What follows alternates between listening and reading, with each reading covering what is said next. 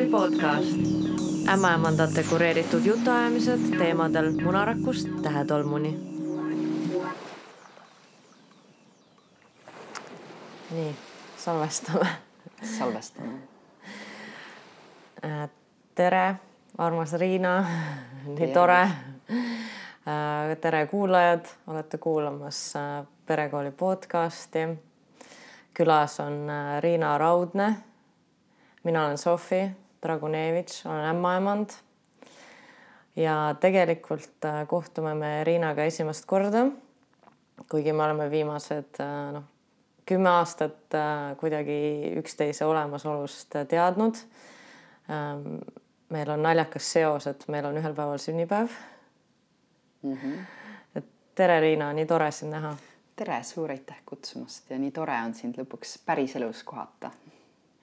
et tegelikult äh, ja meid äh, seob üks äh, kummaline ja huvitav massaažiõpetaja Ameerikas, keda me oleme mõlemad kohanud mm. -hmm. kes tegelikult ütles mulle läänerannikul, et et tema teab ühte toredat eestlast, tema nimi on Riina Raudne nagu see ikka juhtub, et tavaliselt inimestel Ameerikas on olnud veel üks kohtumine ühe eestlasega ja siis tavaliselt tead, kes see teine inimene on, aga meie ei teadnud, nii et ma saingi uue, uue tutvuse, uue kontakti selle kaudu. ja Riina, sa oled nii äh, põnev ja huvitav mulle, sest sa äh, oled äh, sotsioloog mm -hmm. doktorikraadiga.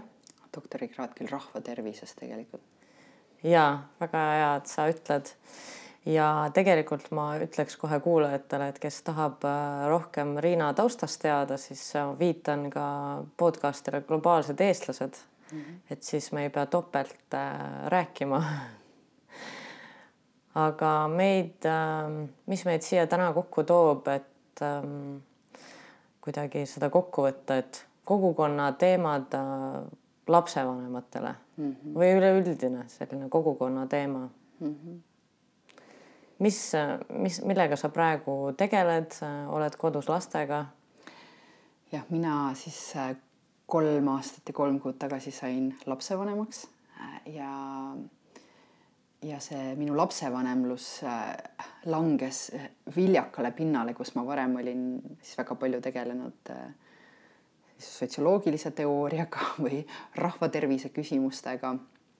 ja, ja teinud ka väga palju Äh,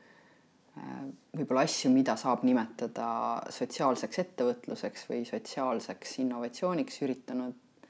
erinevates domeenides siis äh, mingit sellist äh,, ma ei tea, rahva, rahva tervise hüvanguks teha erinevaid asju ja kui ma sain lapsevanemaks, siis kohe mulle loomulikult hakkas selles domeenis silma erinevaid lahendamata küsimusi või ähm, ma nagu kuidagi, see professionaalne taust äh, ei jätnud mind maha ja, ja ma, ma märkasin äh, palju äh, selle kohta, miks ja kuidas vanemad ei ole tänapäeval eriti toetatud, et nad justkui on toetatud, et ühelt poolt me elame tohutult rikkalikul ajastul, et kui me vaatame kui palju asju meil kõigil on ja kui palju asju on juba väga väikestel lastel, ähm, siis ma arvan, et äh, väga suur osa inimkonna ajaloos inimesed ei oleks kunagi ette kujutanud, et nad elavad sellises jõukuses ja rikkuses ja, ja asjade lahendamine on nii kerge. sa võid võtta kasvõi sellise väikse leiutise nagu lapsevanker, et nagu äh, aastatuhandeid pigem lastel ei ole olnud lapsevankreid, et neid on tulnud kuidagi teistmoodi äh, võib-olla tassida. Äh, või noh, sa võid lõputult nimetada neid, äh, neid esemeid. aga samal ajal ma arvan, et me oleme selles niisuguses tarbijakultuuris ka tohutult üksi igasuguste tohutute valikute ees, et justkui noh, alates sellest, et äh, et millise, millise luti sa valid, kuni millise kasvatusstiili sa valid ja ja, et võib-olla varasematel aegadel, kui on vähem olnud sellist äh, valikute rohkust, siis on elatud rohkem sellistes kogukondades, kus seda infot on kuidagi jagatud peredes ja, ja nüüd meil seda enam nii palju ei ole, et äh, see kõik, äh, see kõik on must tekitanud tohutult mõtteid ja tekitanud mõtteid sellel teemal, et kuidas, kuidas kogukonda võib-olla taasluua selles uues kontekstis. et me oleme justkui oma abivahendite küüsis.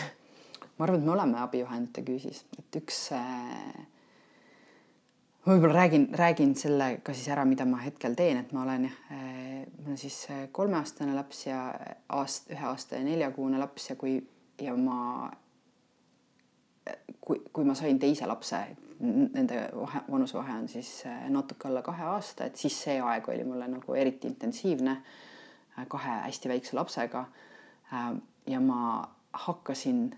kindlasti inspireerituna kõikidest muudest äppidest, mis mul telefonis on ja mida ma saan kasutada, aga ma, hakkasin nagu igatsema sellise võimaluse järgi, et, et noh, täpselt siis, kui mul on vaja ja täpselt siis, kui mõlemad minu lapsed on kas ärkvel ähm, et ma näen, et näiteks kui ma tahan, et keegi tuleks meile külla või et saaks õue minna, et mu see kaheaastane laps jookseks mingite teiste lastega ja oleks kuidagi lõbustatud, et ma ta-, ma tahaksin äh, võtta välja äpi ja vaadata, kes on veel praegu lastega saadaval ja kus need minu sõbrad on. ja ma sain aru, et seda ei ole nagu võimalik teha, et ma pean kõigile nendele inimestele ükshaaval helistama ja väga sageli kuulma, et noh, et ühel on täna perearst või teine läheb täna ujuma või ma ei ja siis hiljem ma kuulen, et keegi kolmas oli just saadaval, aga talle ma enam ei jõudnud helistada ähm,. ma hakkasin hästi palju sellest mõtlema, et äkki noh, näiteks meie, minu enda minu enda majas, kus ma elan, on mingi viiskümmend seitse korterit ja mingil ajal oli, sellel ajal oli umbes kuus peret, kellel olid tegelikult sellised väiksed lapsed ja aeg-ajalt me seal õues trehvasime, aga tegelikult me elame hästi pisikestes peredes ja hästi pisikestes siukestes eraldatud nagu korterites, lihtsalt silmamunadega ei näe, kes on hetkel õues on ju ja nii väiksed lapsed alati peavad oma vanematega koos olema, et ma tahtsin mingit diskreetset viisi, kuidas nagu infot vahetada selle kohta ja saada kokku täpselt siis, kui sulle sobib. mitte proovida teha nagu plaane homseks või ülehomseks, sest siis sa kunagi ei tea, kas su lapsed tegelikult alluvad nendele plaanidele sellel hetkel, kui sul on kokku lepitud. Äh, aga ma igatahes tegin selle äpi valmis. Äh, selle nimi on Playfair, et ma siis aasta aega äh, paari sellise entusiastliku kolleegi abiga me seda arendasime, rääkisime hästi paljude inimestega, paljude teiste lastevanematega, kes võiksid tahta olla kasutajad. ja see küsimus, et et noh, et, et sa oled üksi lastega ja tegelikult nii palju kergem oleks nagu koos kulgeda mingitel aegadel, et, et see tundus nagu olevat selline valukoht, mille logistikat võiks lahendada. ja jah, ühesõnaga me tegime selle ära ja minu, minu jaoks see on väga lahedalt tööle hakanud, sellepärast et ma olen sinna endale pannud palju kontakte ja kui mul on selline hetk, et mul ei ole plaani, siis ma ütlengi, et näiteks ma lähen sinna mänguväljakule äh, ja saadan näiteks, ma ei tea, kahekümnele tuttavale, kellel on ka lapsed, niisuguse äh, viite, et ma sinna praegu lähen ja tavaliselt üks tuleb või kaks tuleb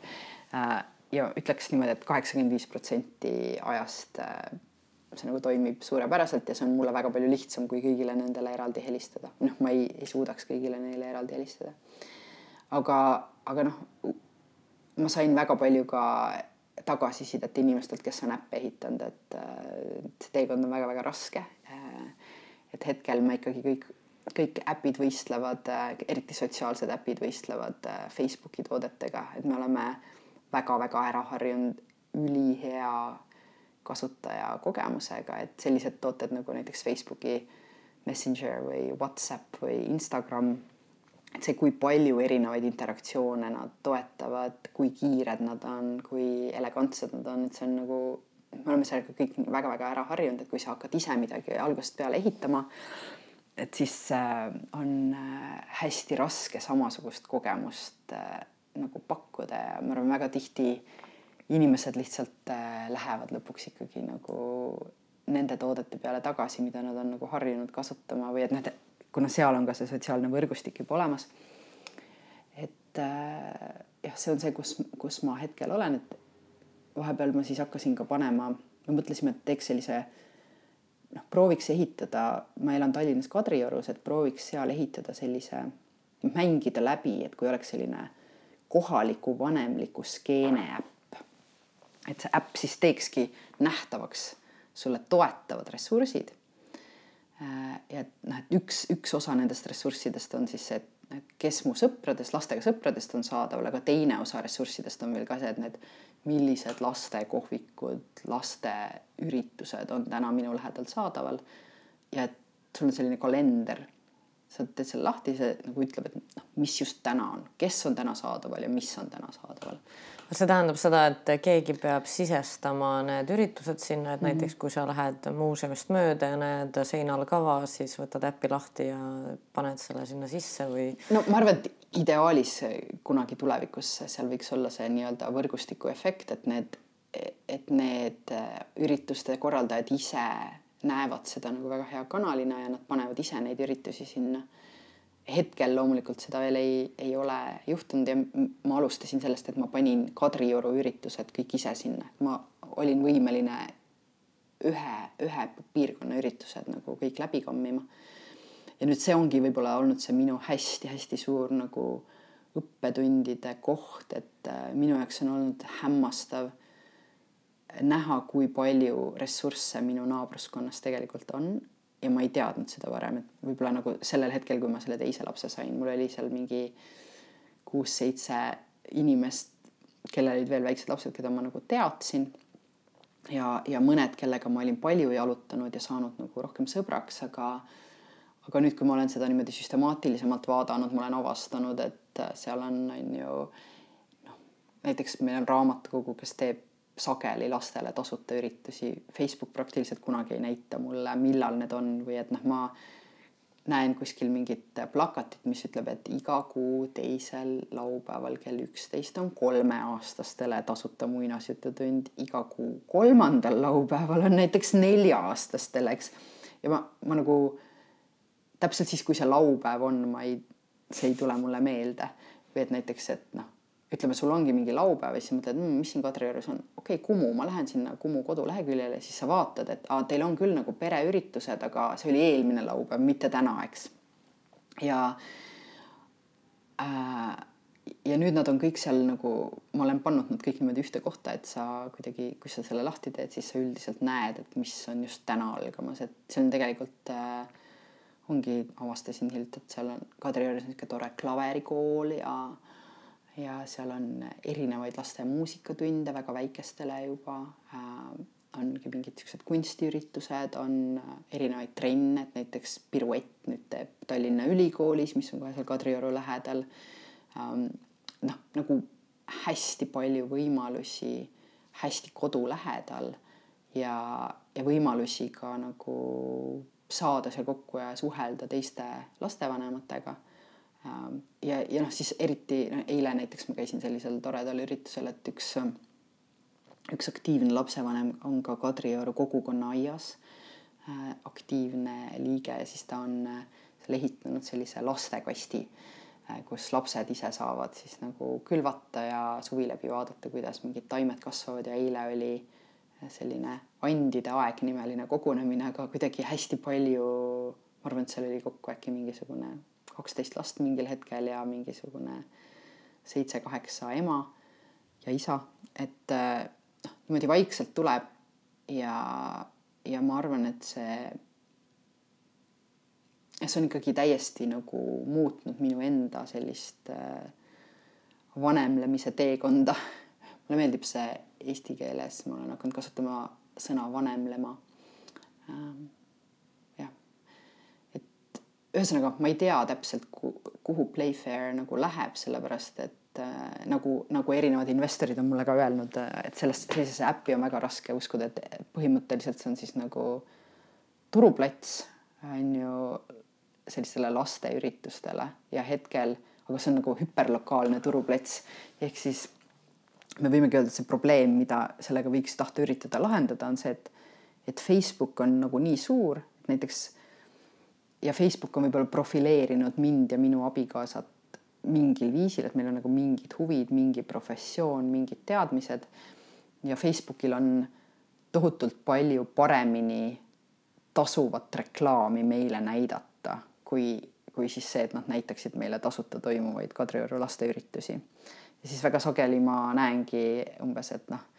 mingisugune minu tuttav käis minust viissada meetrit eemal asunud kirbukal üheksateist tundi tagasi, onju. aga et näed, õigel ajal ta ei näidanud mulle, et selline lastekirbukas nagu toimus. ja, ja siis ma tahaksin uskuda, et võib-olla on kohta mingisugusele kanalile, kindlasti nagu vanemad peavad seda kasulikuks, mingisugusele kanalile, mis ongi selline lapsevanemate skeene äpp, mis näitab nagu, et noh, mis on kõik võimalused erinevates linnaosades palju kasutajaid hetkel on umbes? ma arvan, et me jõudsime mingisuguse kolmesaja kasutajani, aga hetkel noh, ongi, ma, ma olen sealmaal, et äh, arendused on väga-väga kallid ja, ja, ja mul ei ole nagu äh, piisavalt sellist nagu kiiret võimekust kõiki asju ära teha, mida nagu kasutajad juba tahaksid, on ju, et, et väga tore oleks, kui meil seal oleks kaart ja väga tore oleks, kui sul oleks hästi kerge oma sõbrad kõik sinna kuidagi hästi-hästi kergelt sisse tuua ähm,. aga jah, ma nagu ähm, hetkel ma arvan, see kõige kasulikum asi seal on see, et inimesed saavad nagu neid äh, event'e vaadata seal Kadrioru kandis ja varsti meil peaks see lokatsioon tulema, ehk siis, et kui ma, kui ma leian inimesi, kes näiteks Mustamäel tahaksid nagu teha sedasama asja, et nad pane, paneksid kõik Mustamäe asjad sinna sisse. Äh, et siis saab seda teha või kõik Haapsalu asjad või kõik Kohtla-Järve asjad või mida iganes. Äh, jah, et äh, see on umbes, umbes see, kus ma olen, aga ma võin natuke rääkida, et mis ma siis nagu see läks meil laivi aprillis. ma ei olegi seda nagu tohutult palju reklaaminud just sellepärast, et ma tean, et nagu see kasutajakogemus ei ole veel nii ideaalne. et see on natuke raske, siis mul on endal selline perfektsionism, et ma tahaksin, et meil oleks mõned arendused juba veel tehtud, et siis ma saaks nagu võib-olla laiemalt sellest rääkida. aga aga mõned teemad, mis mulle nagu on kõlama jäänud äh, võib-olla kasutajatega suheldes, on see, et et esiteks ähm, noh, meie need suured eesmärgid või suur lootus oli tegelikult see, et, et me aitame vanematel tunda ennast toetatumana. ja et see, mis, mida see toetus tegelikult tähendab, ei ole rohkem esemeid vaid tegelikult on just need nagu teised inimesed meie ümber, me, me oleme, me oleme sellist tüüpi primaadid, kes kasvatavad nagu kollektiivselt beebisid ja lapsi, on läbi ajaloo seda teinud. et, et ükskõik kui palju asju meil on, ükskõik kui palju lahendusi meil on, see ei, ei asenda seda, et, et me tunneme, et veel mingid täiskasvanud nagu hoolivad meie lastest ja aitavad meil seda emadust või isadust kogeda. et see ei asenda seda koosolemise tunnet. see ei asenda seda koosolemise tunnet jah. ja, ja ma tahtsin nagu noh, kõikides nendes äh, lapsevanemate gruppides, kus ma Facebookis väga aktiivselt osalen ja jälgin, et ma ikkagi näen väga sageli neid üleskutseid, et äh, elan, on ju, kolisin just siia, kolisin just sinna, kas siin leidub mingi ema, kes on ka siitkandist, läheks jalutama koos või noh, eriti seal ekspättide hulgas, kes on just Tallinnasse saabunud. et see kogukonna ehitamine ja teiste perede kohtumine on nagu väga-väga keeruline ähm,. selline isolatsioon on isegi teadusuuringute järgi midagi, mida vanemad, alla viieaastaste laste vanemad väga sageli tunnevad ähm,. ja tegelikult see võib olla ka riskifaktor mingiks depressiooniks, on ju, ärevushäireteks vaimse tervise probleemideks, see võib sind kurnata tohutult, sest et see ühe või kahe lapsega kodus olemine on nagu tohutu emotsionaalselt kurnav töö, et sa pead nagu aitama sel lapsel areneda, keelt omandada, saada aru, kuidas mingid reeglid toimuvad, see on tohutult nagu raske ühele inimesele. tuleb välja ka ajalooliselt see hool ei olegi ajalooliselt olnud eriti niimoodi ühe inimese töö, vaid see on nendel, nendel, nendel aastatuhandetel, kus me oleme elanud nagu suuremate peredena, nii vanurite eest hoolitsemine kui väikeste laste eest hoolitsemine on olnud kogu aeg selliste noh, et kui pere on selline, et sul on, on ju näiteks isa ja ema pool mõlemal on nagu viis täiskasvanud õde või venda ja nendel on lapsed, siis on nagu suht palju rahvast, erinevaid teismelisi, erinevaid tädisid, onusid, vanaema, vanaisa. ütleme, et nad veel elavad kuskil nagu suhteliselt lähestikku ja nad on kõik huvitatud, et need lapsed ellu jääks ja areneks, eks. või et need, need vanurid, keda see pere peab hooldama, on ka kuidagi austatud ja neile viiakse, ma ei tea, vett ja toitu ja käiakse nendega rääkimas, et see ei ole olnud selline nagu et sul on nagu üks hooldaja, kes põleb läbi nagu mingi paari nädalaga, sellepärast et see hooldustöö on üksinda nii kohutavalt emotsionaalne ja keeruline. et ja see on see, kust me nagu primaatidena tuleme, millised primaadid me tegelikult oleme, meil on seda vaja. et, et ma tahtsin selle äpiga nagu natuke mõelda välja, et kuidas me saaksime mingeid elemente sellest taastoota. ma mõtlesin, et kui me lihtsalt teeme enda läheduses olevad teised vanemad ja tei- ja kõik, kõik kohad, kus vanemad saavad omavahel nagu kohtuda, et kui me teeme need nähtavaks, et see on see esimene asi, mida äpiga saab väga hästi teha tegelikult. et siis äh, selles vanem, selles vanemluse perioodis on ka tegelikult palju aega kuskil mänguplatsil või kus inimesed saavad üksteist kohata ja koos kulgeda ja tegelikult nagu saada lähedaseks, kui nad leiavad inimesi, kes neile meeldivad. jah mis sa arvad? Või noh, võib-olla ma ütlen kõigepealt, mis mina olen reisides ähm, näinud, et erinevad kultuurid ikkagi toimivad erinevalt, isegi tänapäeval, kui me oleme nii nagu ühises selles infoväljas ja meil on kuidagi internet on meid noh, nii lähedale üksteisele toonud, siis ikkagi lähed Mehhikosse või Hispaaniasse, seal on ikkagi vanaemad, onud, äh, lapselapsed, kõik on kuidagi nii seotud mm. -hmm. ja et äh, isegi tegelikult võib-olla siin Eestis on nagu erinevate äh, nagu rahvuste vahel see erinevus tegelikult olemas. jah, ja isegi ma arvan, erinevate perede vahel et see on noh, et erinevatel peredel võivad ka olla täiesti erinevad kultuurid, et. ja erinevad harjumused. erinevad harjumused ja võib-olla see oli ka, ma räägin alati hästi pikalt aga nagu võib-olla kuhu ma tahtsin jõuda, mida ma olen näinud, ongi see, et näiteks kui sa ütled a la noh, ütledki Kadriorg on ju, ütled, et tooks vanemad kokku, siis on seal väga palju vanemaid, kes lihtsalt ütlevad, mul ei ole vaja, sellepärast mul on nagu nii hea kogukond olemas, et tegelikult mul on, mul on ema elab minuga samas majas ja mul siin võib-olla õde elab nagu kõrvalmajas või et näiteks mul elab neli õde veel Tallinnas, ma just sain esimese lapse, aga mul elab neli õde Tallinnas, kes kõik tahavad seda last näha. Või, või äh, mida ma olen näinud, mida ma väga imetlen, et umbes nagu äh, kellelgi on mingi sellist tüüpi suvilasüsteem, kus näiteks äh, õed ja vennad viivad kõik oma lapsed nagu samasse suvilasse ja siis vanaema, vanaisa suvitavad ka seal, eks ja siis nagu need täiskasvanud paarid, siis sealt nagu käiakse, ma ei tea, suvel Tallinnas tööl või need. ma näen, et tegelikult seda on ka päris palju, aga see on tohutu privileeg tänapäeval, kui, kui selline õnn sul on, et sul on äh, väga palju on ka ikkagi inimesi, kellel noh, ma ei tea, ütleme see, see, see jälle tulles selle meie primaadi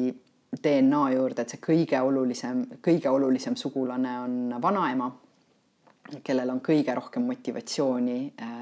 hormonaalselt nagu tahta aidata, eks. väga sageli on ju vanaema elab välismaal näiteks või vanaema on surnud või vanaema elab kuskil kaugel või ei ole vanaema või vanaema käib tööl ja elab mingit muud elu. eks jälle nagu pered on hästi erinevad selles, kas neil on ligipääs vanaemale, kas neil on ligipääs teistele sugulastele, kui sugulasi ei ole, siis tuleb nagu see nii-öelda see, see kogukond nii-öelda palju rohkem niimoodi sisse osta või ise tekitada, et kui, et näed, kui sul on nagu head suhted ema ja õdedega, siis on nagu hästi palju lihtsam kui siis, kui sul seda ei ole. siis sa pead kuidagi hakkama seda tekitama ja nüüd, kui sa seda tekitama hakkad, siis, siis ongi hästi oluline, et näed, mis seal sinu ümber toimub, et näiteks jälle mõned pered elavad võib-olla mingis sellises, sellist tüüpi asulas, kus ongi ähm, noh, näiteks ütleme suhteliselt uus küla, kus on nagu palju uusi maju, need majad on nagu suured ja uhked ja seal elavad pigem nagu suuremate lastega pered. ja, ja siis nüüd, kui keegi pere saab seal uue lapse, on ju, siis võibki olla näiteks, et ei ole mitte ühtegi teist väikest last selles väikses asumis. või ähm, noh, mida ma näen, kuidas ma näen nagu, kuidas see linnakeskkond hästi palju mõjutab, et ütleme, meil on kasutajaid Kalamajas, meil on kasutajaid Kadriorus, meil on kasutajaid Nõmmel.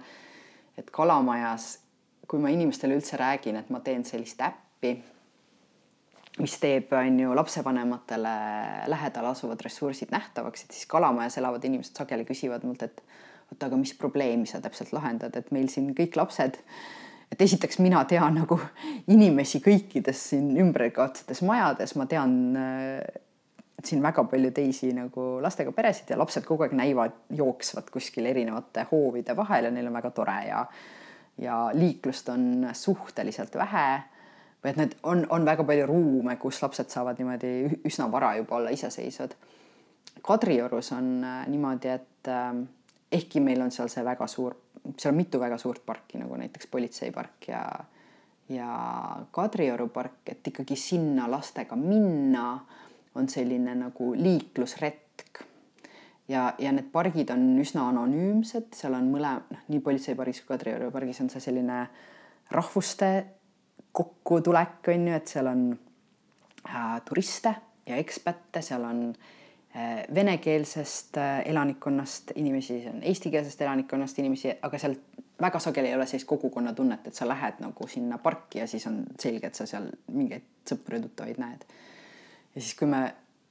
ja et Kadrioru inimesed on kõige rohkem nagu väljendanud seda, et issand, kui äge, siin on nii palju asju, nii palju ressursse lastele ja kõik need noh, tegelikult nüüd tuleb välja, et mul on siin mitmeid tuttavaid ja ma ei teadnudki. ehk siis Kadriorg on nagu selline, kus sul on tegelikult palju toimub, aga, aga inimesed ei tea, see ei ole nagu nähtaval. ent kui me vaatame näiteks Nõmmet või Viimsit, et seal on äh, väikeste laste vanematel väga sageli kuuleme nagu seda tagasisidet, et näed, seal on nagu suured majad, suured aiad, igas aias on oma batuut, igal, igal batuudil on üks või kaks last.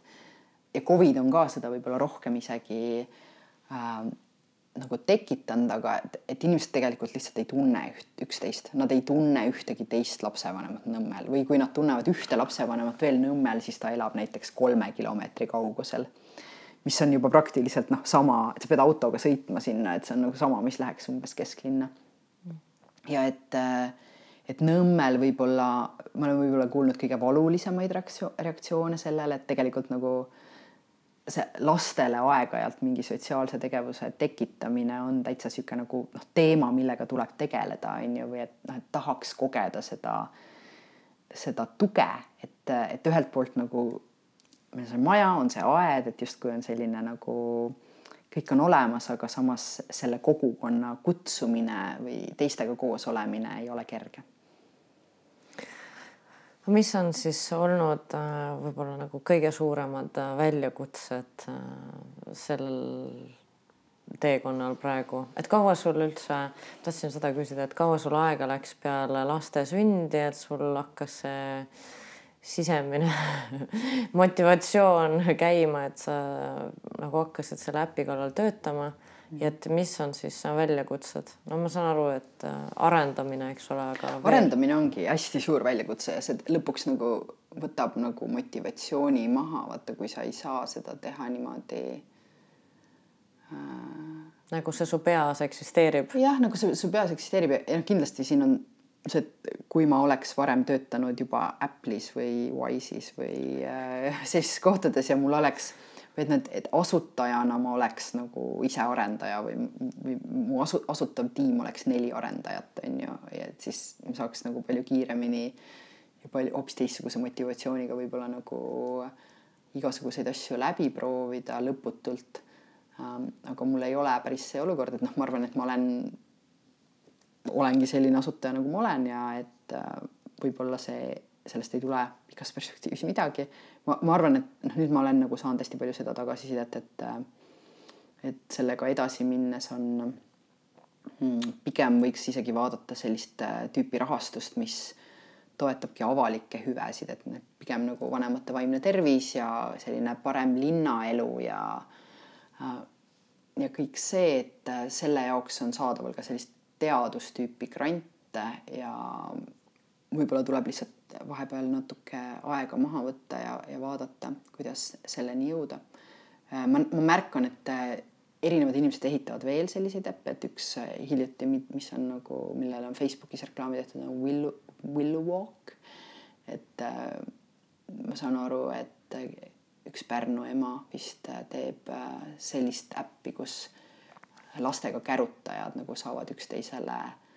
teada anda, kus nad on ja siis koos kärutada ja, ja käru, kärusamme lugeda.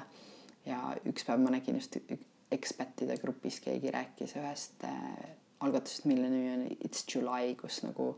sihuke, see on natuke nagu Tinder peredele, kui see on see, kuidas ma sellest aru sain, et nagu sa leiad enda ümber peresid, kellega sul on nagu mingisugune match siis ja siis äh,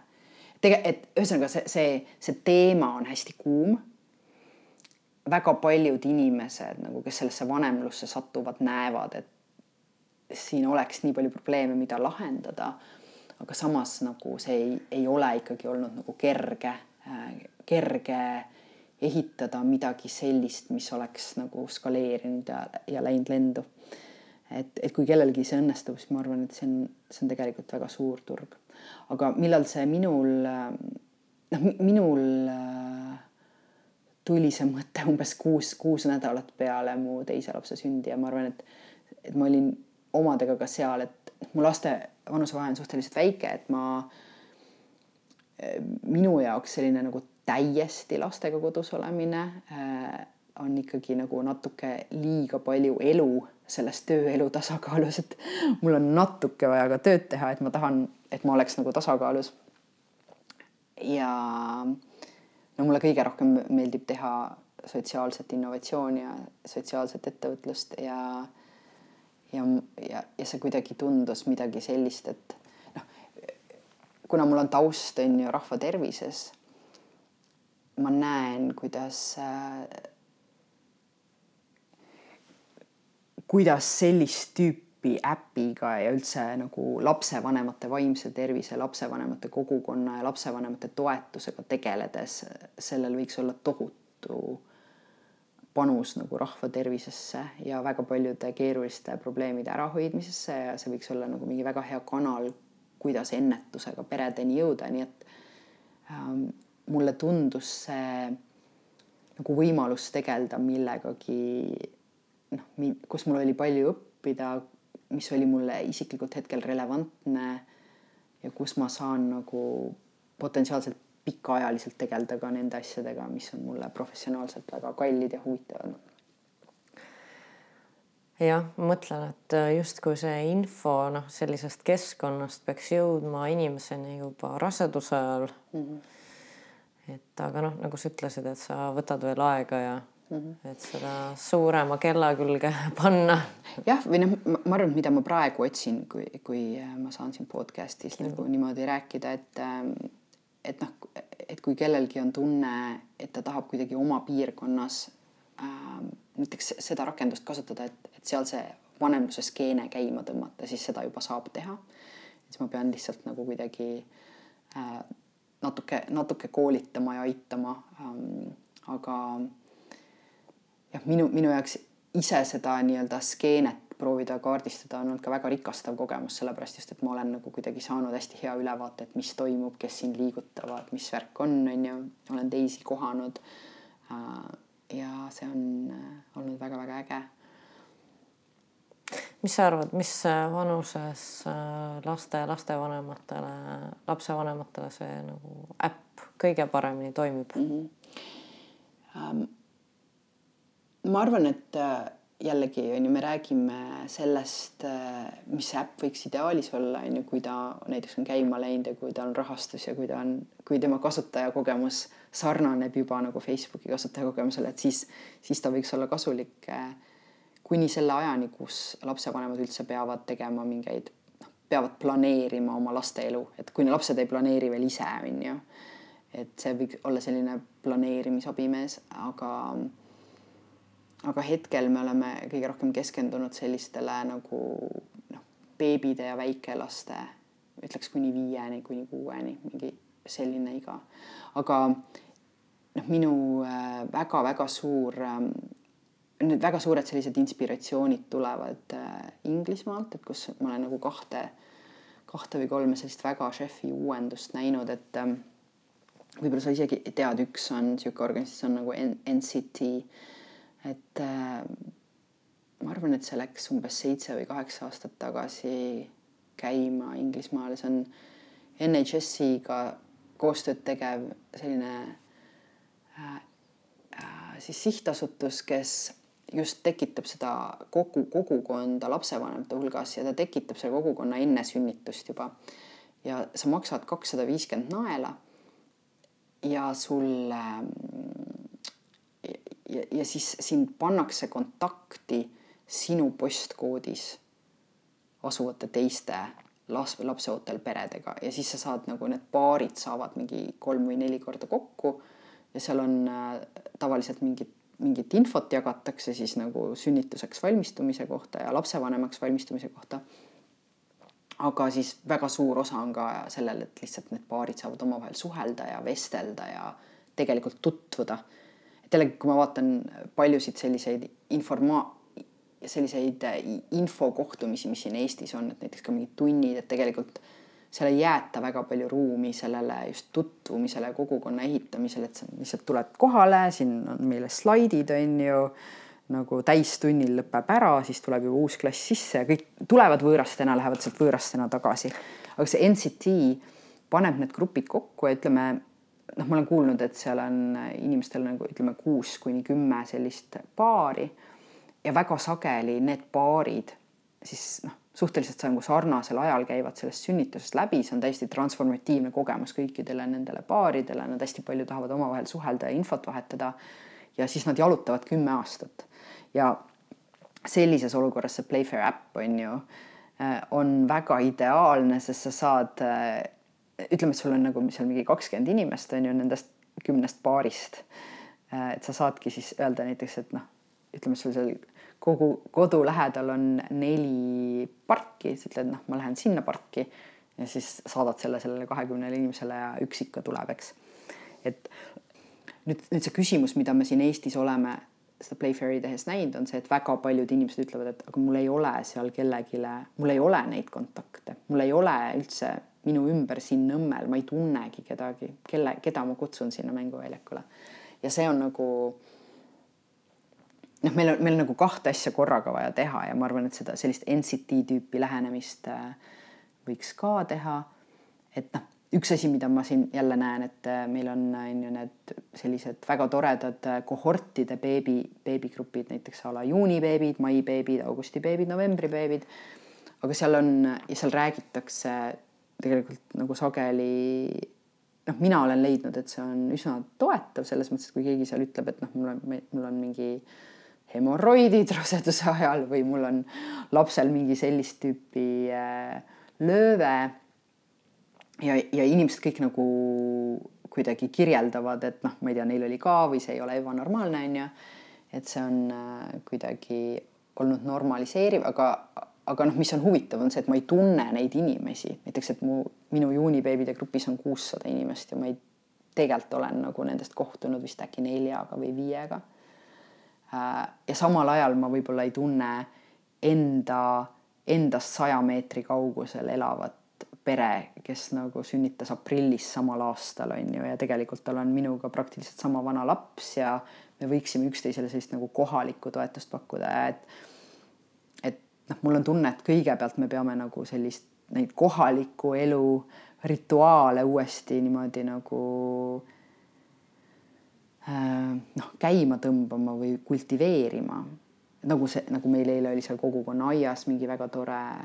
kohtumine, et, et seda on vaja ja, ja noh, mida ma jälle heidan nagu Facebookile ette, ongi see, et, et me just, me saame sealt sellist nagu illusoorset tuge. Et ma võin päev läbi scroll ida seal ja lugeda, kuidas keegi ema äh, Uus-Meremaal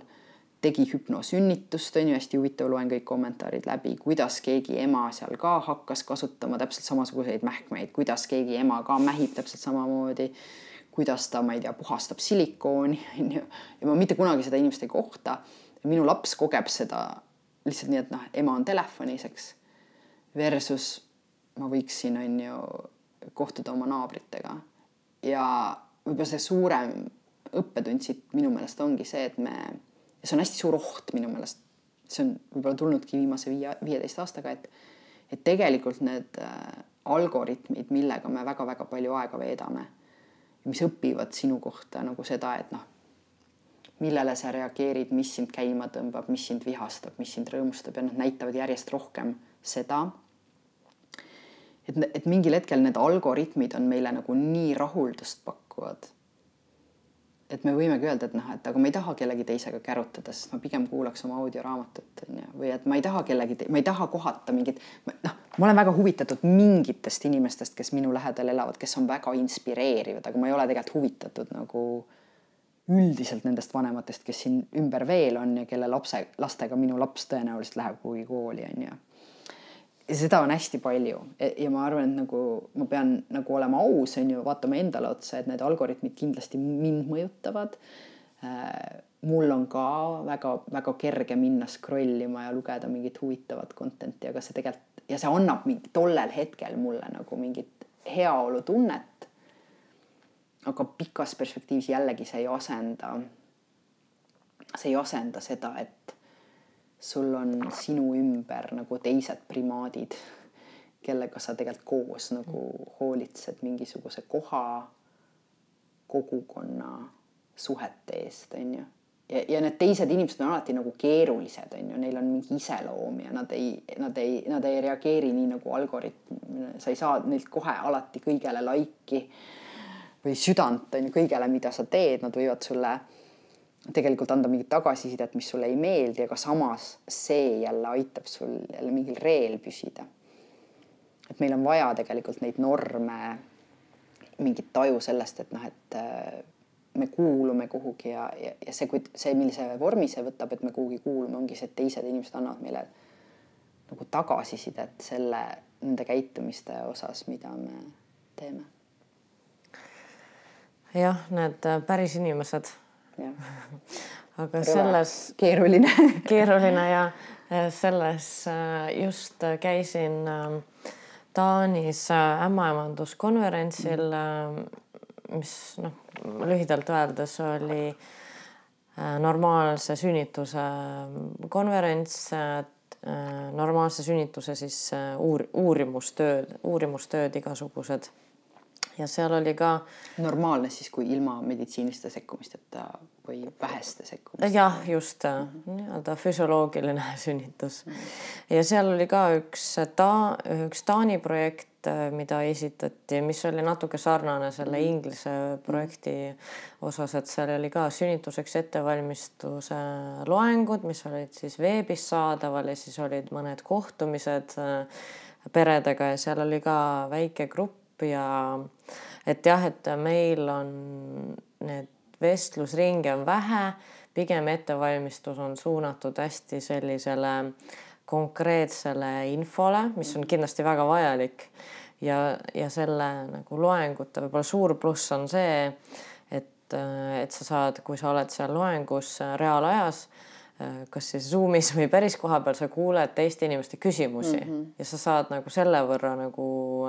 su nagu vaateväli ja nagu mm -hmm. laieneb, oo, ta küsis seda, ma pole selle peale võib-olla mõelnudki. aga vot seda omavahel suhtlemist oleks tõesti kuidagi ma, mina leian rohkem integreerida vaja sellesse mm -hmm. protsessi. ja, ja noh, ma olen selle peale just hästi palju ka mõelnud, et praegu äh, et noh, mida see sünnituseks ettevalmistamine tähendab, et ma olen nüüd kaheks sünnituseks ette valmistunud, on ju Eestis viimase kolme aasta jooksul. viimase nelja aasta jooksul, et ma, ma võin öelda, mida see tähendab, et üks on see, et sa sü, nagu valmistad ette, sind valmistatakse ette selleks, et sa teaks, mis seal haiglas toimuma hakkab, on ju, et kuidas füsioloogiliselt see beebi sust välja tuleb. Ähm,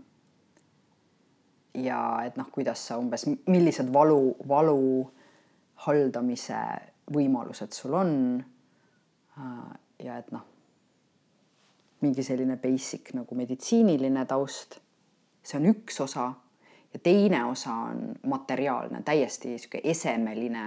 et mis on see nimekiri asju, mida sa pead võtma haiglasse kaasa, milline kott, millised sussid, milline kõlar, milline lamp, on ju, inimesed lähevad isegi sinna, milline hommikumantel mida sa pead ostma beebile,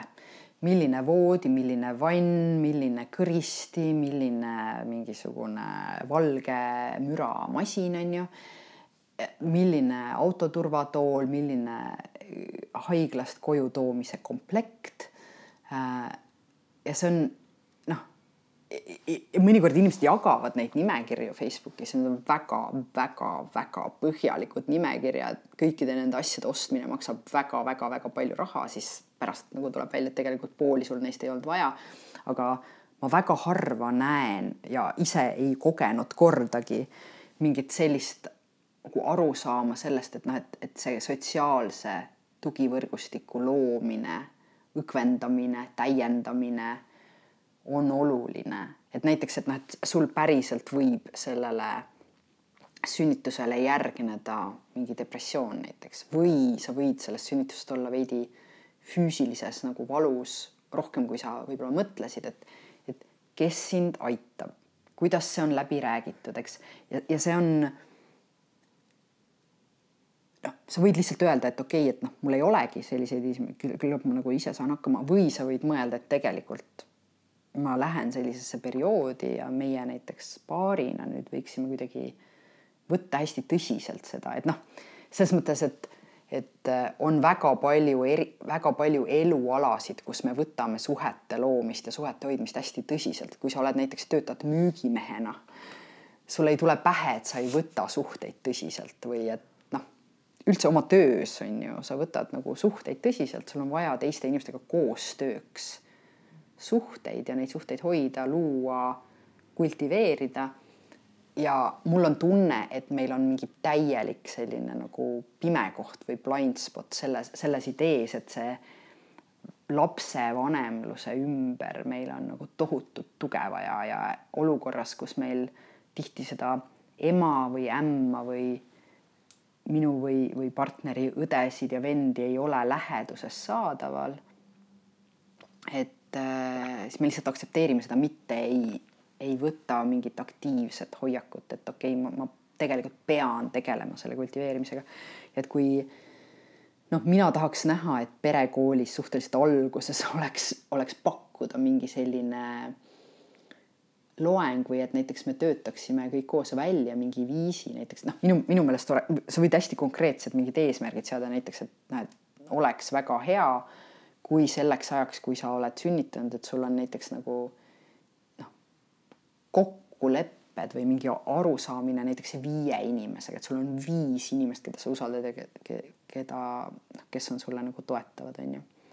näiteks, et sa võid kuidagi niimoodi mõelda või et kümme, ma ei tea äh, minu meelest see, see võiks olla tehtav. Need on päris head soovitused, et ma tahtsingi võib-olla jõudagi selleni, et mis oleks äh, siis äh, jah, mõni hea konkreetne soovitus äh, tulevastele või värsketele lapsevanematele, et kuidas siis iseennast ja siis läbi selle, kui oled ise toetatud, võib-olla ka teisi toetada mm. -hmm. no mina alustaksin vara kindlasti ma,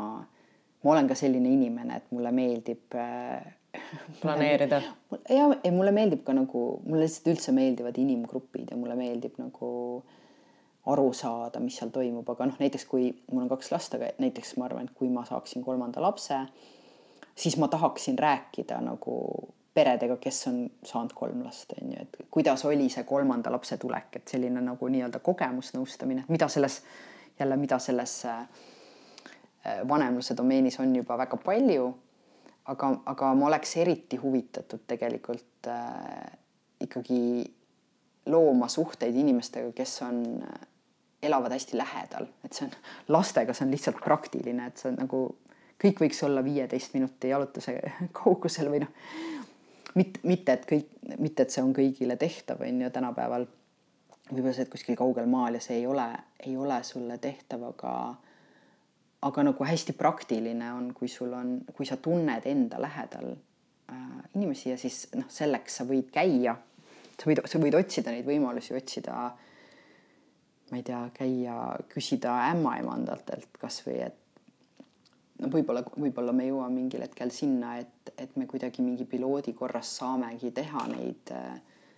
selliseid äh, gruppe aga näiteks sa saad algatada ka gruppi, et ütleme, mina, mina just tegin selle, et Kadrioru väikeste laste ja vanemate grupp, et mitte, et ei ole vahet, kas su laps sündis augustis või juulis, aga et ma tegin lihtsalt sellise Facebooki grupi, nüüd on seal mingisugune nelikümmend inimest juba. Äh, ja seal noh, inimesed on rääkinud, ma ise olen ka siin öelnud, et näiteks, et minu, minu, minu lapse hoius just vabanes nagu mingi kaks kohta, et need igasugust sellist vanemate praktilist infot saad seal jagada. aga et ma nagu, ma ei tea täpselt, mis need lahendused on, et kuidas sa selleni jõuad, on ju, samamoodi ei saa öelda, et noh, et äh, saa sõbraks nagu. naabrinaisega. jah, võib, võib-olla sinu ja selle konkreetse naabrinaise vahel ei ole mingit keemiat, aga lõpuks, äh, lõpuks on kuidagi, lõpuks on oluline, ma arvan, proovida, proovida need äh, need suhted tekitada, et jällegi, kui sa vaatad näiteks seda Expats in Tallinn gruppi, et inimesed, kes on Eestisse kolinud, inimesed, kes kolivad kuhugi mujale, nemad võib-olla saavad palju reljeefsemalt aru, kui oluline see on, kui neil üldse seda ei ole, on ju, et siis sellega tulebki aktiivselt tegeleda. Äh, jah, ja noh, see on pigem võib-olla üleskutse neile, kes korraldavad igasuguseid lasteüritusi, et tegelikult ka imest, imetamisnõustamised on ju, et näiteks meil on äh, üks sõbranna sünnitas Inglismaal Oxfordis ja siis tema ütles, et seal on näiteks selline tore traditsioon nagu imetamiskohvik. et ongi mingi paar korda nädalas on selline hommikupoolik mingisuguses ruumis on ju, et kus on imetamisnõustaja, aga ka emad nagu söövad koos hommikust ja kõik saavad oma beebid sinna kaasa võtta, imetada ja rääkida sellel teemal, eks. Äh, või noh, et kui sa, kui sa juba korraldad lapsevanematele mingisuguse ürituse näiteks või väikestele beebidele, et noh, et pane sinna loo sinna lisaks nagu see vanematele omavahelise suhtluse hetk või aspekt ka isegi kui ütleme, kui see on nagu beebi ujumine, et siis on noh, sa võid vabalt kuidagi niimoodi korraldada või raamida selle, et noh, et ujumine on a la kolmkümmend minutit ja siis peale seda on mingi, ma ei tea, kohvikus emadele mingisugune tutvumisring või, või enne on tutvumisring või mis iganes, eks. et tegelikult, äh, mis ma nagu kuulen või noh, mis ma ise ka nagu mõtlen, et äh, inimesed, kes on sellise aktiivsema ja sotsiaalse loomuga mm., et võiksid siiski neid asju nagu ette võtta, et tehagi on ju koos midagi mm. -hmm. jah, aga ja ma ei taha pisendada, kui keeruline see on. kindlasti. ma ei, ma ei taha pisendada seda, et kõikide inimeste vahel ei, ei ole keemiat või et mõnikord nagu üldse see rasedus ja sünnitus võib meil täiendavat mingit äh,, mingit nagu äh, ärevust esile tuua või mingit depressiooni või, või äh, või et sa ei pruugi kõigiga nagu sobida ja suhestuda, aga, aga see on minu meelest see sotsiaalsus on natuke nagu vitamiinid või natukene nagu jooksmisharjumus, et sa pead, noh, tegelikult oleks väga hea, kui me teeksime mingit füüsilist trenni. isegi kui hetkel meile ei tundu, et see on meile hea ja et see on mõnus, on ju, et kui sa oled, kui sa oled lebanud väga pikalt äh, nagu ol, ol, olnud lesiva, lesiva ja pikutava eluviisiga ja siis, siis hakata endale tekitama spordiharjumust ei ole kerge. samamoodi ma arvan, et me oleme nagu selles sotsiaalses mõttes muutunud veits lesivaks, et me, meil on nii kerge seda internetist tulevat nagu suhte junk food'i võtta nagu, et noh, et selles mõttes, et me loeme kellegi teise laike ja, ja vaatame seda algoritmi, mis lihtsalt rahuldab meid paremini kui teised inimesed ja me kaotame väga kiiresti seda oskust teiste primaatidega koos olla, nagu probleeme lahendada. et need noh, minu jaoks nagu on ikkagi väga hämmastav, kui või meil on mingid sellised oskused ja minu meelest need oskused kuidagi kaovad, et kui keegi no ma ei tea, keegi ütleb midagi ja inimesed võtavad seda nagu õudselt nagu niimoodi, et noh, et keegi küsis mult midagi sellisel viisil, mis mulle ei meeldinud ja ma rohkem temaga ei suhtle umbes, et näed, nagu see on nii. see on nagu tegelikult hästi kurb, on ju, ja, ja jällegi varasematel aastatuhandetel me ei ole saanud endale sellist asja lubada, sest et, et need mingi kolmkümmend, nelikümmend inimest, kes sinu ümber on, see laiendatud sugulased ja küla on ju, et sa ei saa nende, nende juurest lihtsalt minema kõndida, aga hetkel me justkui saame. aga see tegelikult see on vaimsele tervisele tohutult, tohutult suur risk, kui meil ei ole neid inimesi ümber, kes meile tagasisidet annavad ja meid hoiavad. Et, et tegelikult see on äh, nii põnev teema, see just see küsimine või enda arvamuse väljendamine või peegeldamine mm. üldse suu lahti tegemine tänapäeval on nii nagu riskantne vahepeal mm., et ma just äh, paar nädalat tagasi olin LA-s ja nägin, noh, USA-s ikka, noh, sa tead, inimesed räägivad tänaval. sa võid suva, suva koha pealt hakata rääkima, et sulle meeldib selle inimese soeng või mm -hmm. ma ei tea, teil on samasugused jalanõud või täiesti noh, ükskõik mis on ju mm, -hmm. no võib see teema algataja olla Eestis keegi vaataks kindlasti, et sa oled mingi imelik pervert, kui sa niimoodi. täiesti, täiesti ja, aga lihtsalt juhtus selline lugu, et et seal oli üks äh, mees, kes oli natuke tõmmum, selline lohkis juustega, noh, pealtnäha võib-olla ladina, ladina juurtega. Mm -hmm. ja siis tal oli hästi lahe koer ja siis noh, ma kohe ütlesin midagi selle koera kohta. Ja siis äh, noh, põhi, tekkis küsimus on ju, ah ta küsis, et kust me pärit oleme. Ja siis mina küsisin, kust tema pärit on ja tuli välja, et ta, tema oli pärit äh, Rootsist ja siis ma kuidagi täiesti nagu äh, üldse filtrit ei olnud, äh, ütlesin talle, et ah, päriselt või, et sa ei näe üldse rootslase moodi välja mm. -hmm. ja täiesti uskumatu tema reaktsioon oli niimoodi, et ma oleks nagu midagi nii halvasti öelnud. no minu see noh, kavatsus polnud üldse selline, vaid noh, see oleks järgmise vestluse oleks saanud selle pealt, aga tema, ta ütles, pani mind kohe nii-öelda paika, ütles mulle, et see on praegu nii halb, mis sa ütlesid mm. -hmm. et ta oli nagu nii solvunud, et just see nagu see mm -hmm. tunded ja, ja siis ma olingi nagu pool tundi mõtlesin, et vau, et ma olen tõesti vist halb inimene, kuigi mul on tegelikult kavatsus oli nagu hea, on ju, et. ja aga see on, see on võib-olla see lihtsalt, et ähm, minu meelest niimoodi me õpimegi, et ütleme, et sul tegelikult oli see kogemus, et noh, et kui, kui proovida empaatiline olla selle inimese vastu ütleme, võib-olla ta on pärit, ma ei tea, Brasiiliast, võib-olla Iraanist, võib-olla ta on Rootsis üles kasvanud ja terve elu proovinud tõestada, et ta tegelikult on rootslane, et ta on Rootsile patriootlik ja, ja kogu aeg rootslased ütlevad talle, et sa ei näe välja nagu Rootsist, võib-olla tal on sellega mingi tohutu hingehaav, eks. ja sina jälle ei teadnud seda. aga, aga noh, ma arvan, et et see on äh, hea, hea võimalus seda nagu reflekteerida mõlemat pidi ja siis ajas nagu kasvab see meie võime ka olla ähm,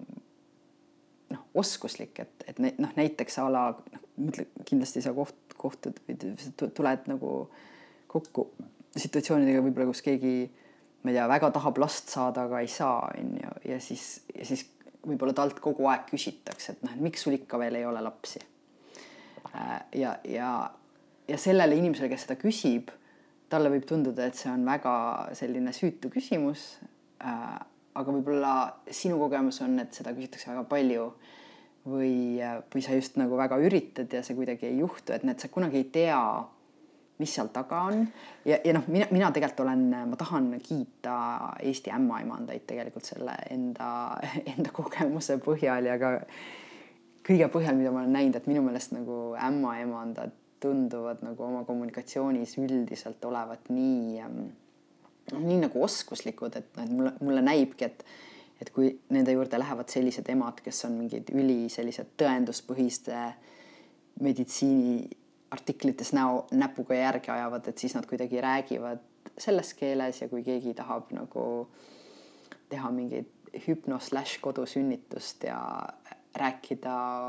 oma uskumustest mingis hoopis teises võtmes, et siis nad kuidagi lubavad seda, võib-olla mul on ka nagu erakordselt äh, targad ja tasakaalukad ämmaemandad juhtunud, aga aga jah, ma arvan, et see on äh, noh, tegelikult, tegelikult see ongi mõlemat pidi peab nagu õppima, et ühelt poolt ei, ei tohi võib-olla võtta teiste inimeste selliseid süütuid märkusi liiga hinge ja lasta neil nagu suhteid ära katkestada selle tõttu, aga teisalt ka nende märkuste tegijatena me saame kasvada selles, et kuidas mingeid asju raamida. Ja absoluutselt, et äh, mind ka nagu pani see tegelikult mõtlema ja ma kohe nagu sekund hiljem noh, mõtlesingi, et et vau, et kindlasti see ongi noh, ongi osa tema kogemusest, sest rootslasest rääkides on ju noh, see kõik, mis sa rääkisid, on ju, et ma täiesti äh, resoneerun sellega. ma tahan te tegelikult ühe näite öelda, et mu üks sõbranna hiljuti kiitis mind mingi ühe raamimise eest ja ma ei saanud isegi aru, et ma olin seda teinud, aga tal on äh, tema, tema lapsega äh, just nagu ei, ei läinud kõik väga hästi ja nad pidid tükk aega olema lastehaiglas peale sünnitust ja siis, ja siis ta noh, me ka nagu märkasime seda, mõlemad oleme märganud seda, et eestlased nagu jälle olles olnud muudes kultuurides, ma tean, kuidas see on teistmoodi, aga et need, kui, kui kellelgi läheb nagu midagi juhtub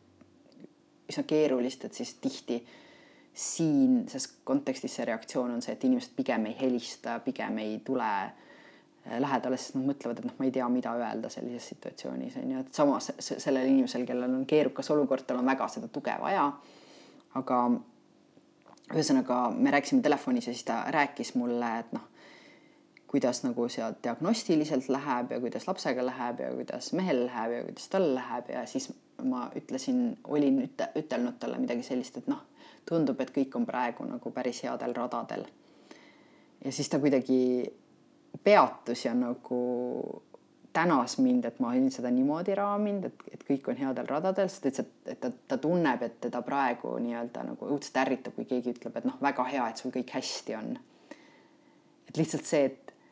kui keegi ütleb, et näed, sul on kõik hästi, on ju, tal tegelikult, tema ei tunne, et tal on kõik hästi, ta on ikka seal lastehaiglas on ju, ta on seal olnud mingi tükk aega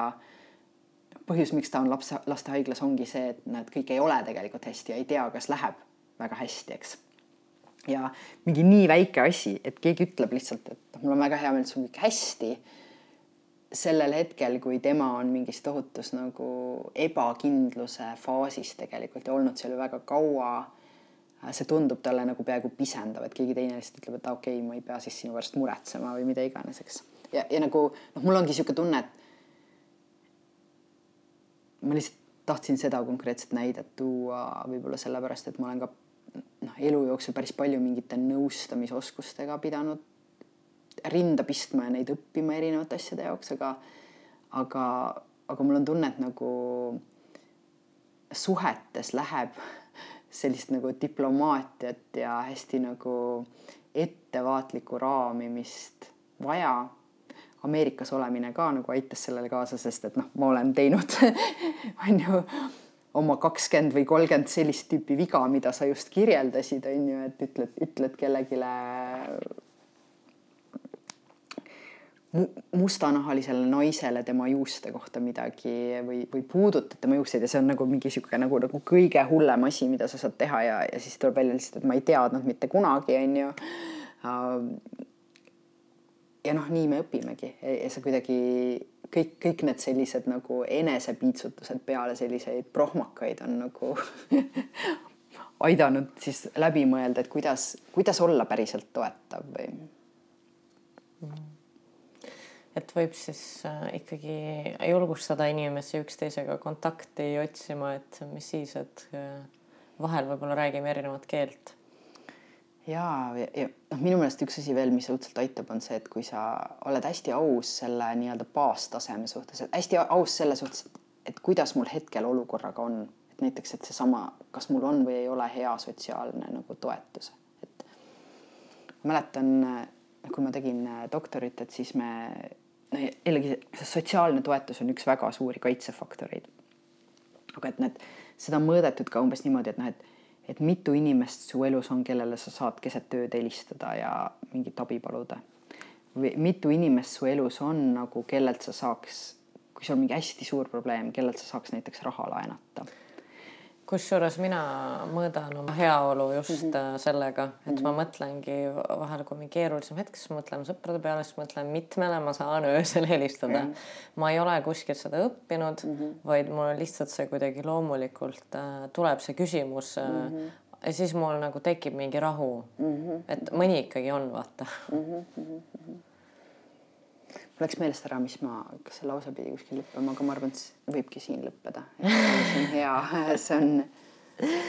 on hea tore, oota, ma tahtsin, ma tahtsin veel väga küsida su käest, et kas sul on äh, elus olnud äh, või noh, praegu on keegi ähm, iidol, mentor mm.? või oled sa ise ke kellelegi mentoriks? ma ise olen ka eri, erinevatele inimestele mentoriks, ma õpetan nagu üliõpilasi hetkel, hetkel EKA-s. aga. mis sa õpetad neile EKA-s? sotsiaalse innovatsiooni disaini hetkel, aga, aga ma ei tea, mulle, mulle tuleb nagu pähe noh, üks, üks, keda ma väga imetlen, on Ester Perel näiteks, ma ei tea, kas sa. nimi on hästi tuttav äh,. suhete teemalisi mõtiskelusid nagu kuulnud ja ta, ta paneb ka asju niimoodi sellisesse noh, sellisesse nagu ajaloolisse perspektiivi, et, et varem kui noh, vajadused, mida terve küla nagu meie jaoks rahuldas, on ju äh,, et järjest rohkem me kuidagi loodame selle kõik saada ühelt inimeselt nagu oma paari suhtest. ja aga tal on selline hästi nüansirikas vaade. Äh, ja ma võin teda ka suht lõputult kuulata ah,. siis tegelikult lapsevanematele ma väga soovitan Janet Lansbury on totaalne hitt minu jaoks olnud, et ta on tema, tema siis äh, on sellise vanemlusstiili nagu austav vanemlusviljeleja ja tal on oma podcast ja tal on hästi palju selliseid. see podcast'i formaat on see, et ta, ta saab mingi lugeja kirja ja siis ta nagu lahkab seda, aga seal on mingid hästi selged printsiibid, kuidas ta läheneb olukordadele, see on aidanud mul hästi palju ümber mõtestada oma oma üheaastast ja nelja aast- või kolmeaastast, et kui nad nagu käituvad äh, keeruliselt ja trollivad mind lõputult, et siis see ei ole sellepärast, et nad tahavad seda teha ja nad meelega teevad ja nad testivad mu süütenööri, vaid nad, äh, neil ongi raske veel ennast reguleerida. et kui, kui mina näiteks raamin selle enda jaoks niimoodi ümber, siis mu kannatus on väga palju pikem tavaliselt, et kuidagi noh, ma väga hindan äh, inimesi, kes aitavad mingeid asju ümber raamida ja, ja ma usun, et meis on kõigis nagu hästi palju lahendusi juba olemas, aga mõnikord sul on vaja uut lähenemist sellele, et miks. võib-olla kasvõi selle kogukonna teemal, et noh, võib-olla ma nagu mõtlengi, et noh, ma saan, ma saan väga hästi hakkama, kui mul on a la see audioraamat ja ma saan, tahan ise oma samme teha ja ei taha kellegagi rääkida, aga tegelikult kui sa kuidagi mõtled, et noh, et, et sa hakkad oma last kasvatama mingisuguses kogukonnas ja talle on tegelikult hea näha palju inimesi ja inimesi, kes te, ke, kellega tema saab ka selliseid üks-ühele nagu usalduslikke suhteid luua. et see aitab tema sotsiaalseid oskusi, on ju, mitte ainult sinuga olemine. et, et mingid siuksed uued raamimised mõnikord aitavad nagu su probleemid panna teise perspektiivi ja leida need lahendused või, või leida mingi uue motivatsiooni mingite lahenduste leidmiseks mm. -hmm. ja siis äh, see küsimus, et äh, kui äh, sa saaksid linna peale panna plakati mm, -hmm. siis mis oleks seal kirjas mm? -hmm et mina, mul on olnud õnn ja rõõm olla positsioonis, kus ma tegelikult olen saanud linna peale panna plakateid ja seetõttu ma võtan seda hästi tõsiselt ja hästi nagu ma niisama nagu ei läheks mingite plakatitega vehkima, aga üks kampaania, mida ma aastaid tegin, oli joome poole vähem. See on ka vaimse tervise toetuseks sihuke alkoholi vähendamise kampaania ja seal ei olnud ainult plakat, vaid väga palju muid, muid kommunikatsioone ka. ja siis, kui ma olin pigem viisteist, kuusteist, seitseteist aastat tagasi ma pikalt tegelesin seksuaaltervise teemadega ja, ja HIV teadlikkuse tõstmise ja riskide vähendamisega, et siis, siis meil oli selline kampaania nagu Armasta hoolikalt. ja Armasta hoolikalt on võib-olla, võib-olla midagi, mida ma uuesti või jätkuvalt paneks nagu äh, plakatile sellepärast lihtsalt, et minu meelest äh, armastus ei ole ainult tunded, vaid äh, tegelikult ka oskused ja teod äh,. ja et võib-olla ma, kui mul oleks mingi kampaania jällegi see ei oleks ainult plakat, vaid seal oleks palju muid komponente, aga ma kutsuksin inimesi üles oma armastamise ja suhtes olemise ja kogukonnas olemise oskusi pidevalt arendama. et noh, nagu see diplomaatia, millest me siin täna natuke oleme rääkinud või nagu need hoiakud äh, selle kohta, et seda on üldse vaja, on ju, et me läbi elu liikudes ka noh, areneme ja leiame ennast nagu teistes situatsioonides, aga, aga need nagu teiste inimeste äh, kokkutoomise ja kogukonna kultiveerimise oskused, need on väga-väga keerulised ja, ja, ja need seda liimi siis nagu koos hoiavadki ja ma arvan, et, et me ei saa kunagi piisavalt meisterlikuks. et kutsuks, kutsuks kõiki üles hoolikalt armastama. nii ilus ja nii li nagu lihtne ja nii raske ja mitmekihiline samal ajal. jah, sellest see, see, seda ei saa kohe-kohe ära teha lihtsalt. Ja suur aitäh sulle, Riina, nii palju toredaid teemasid oleks veel, mida saaks sinuga arutada ja kindlasti hiljem arutame mm. -hmm. aitäh sulle ka. ja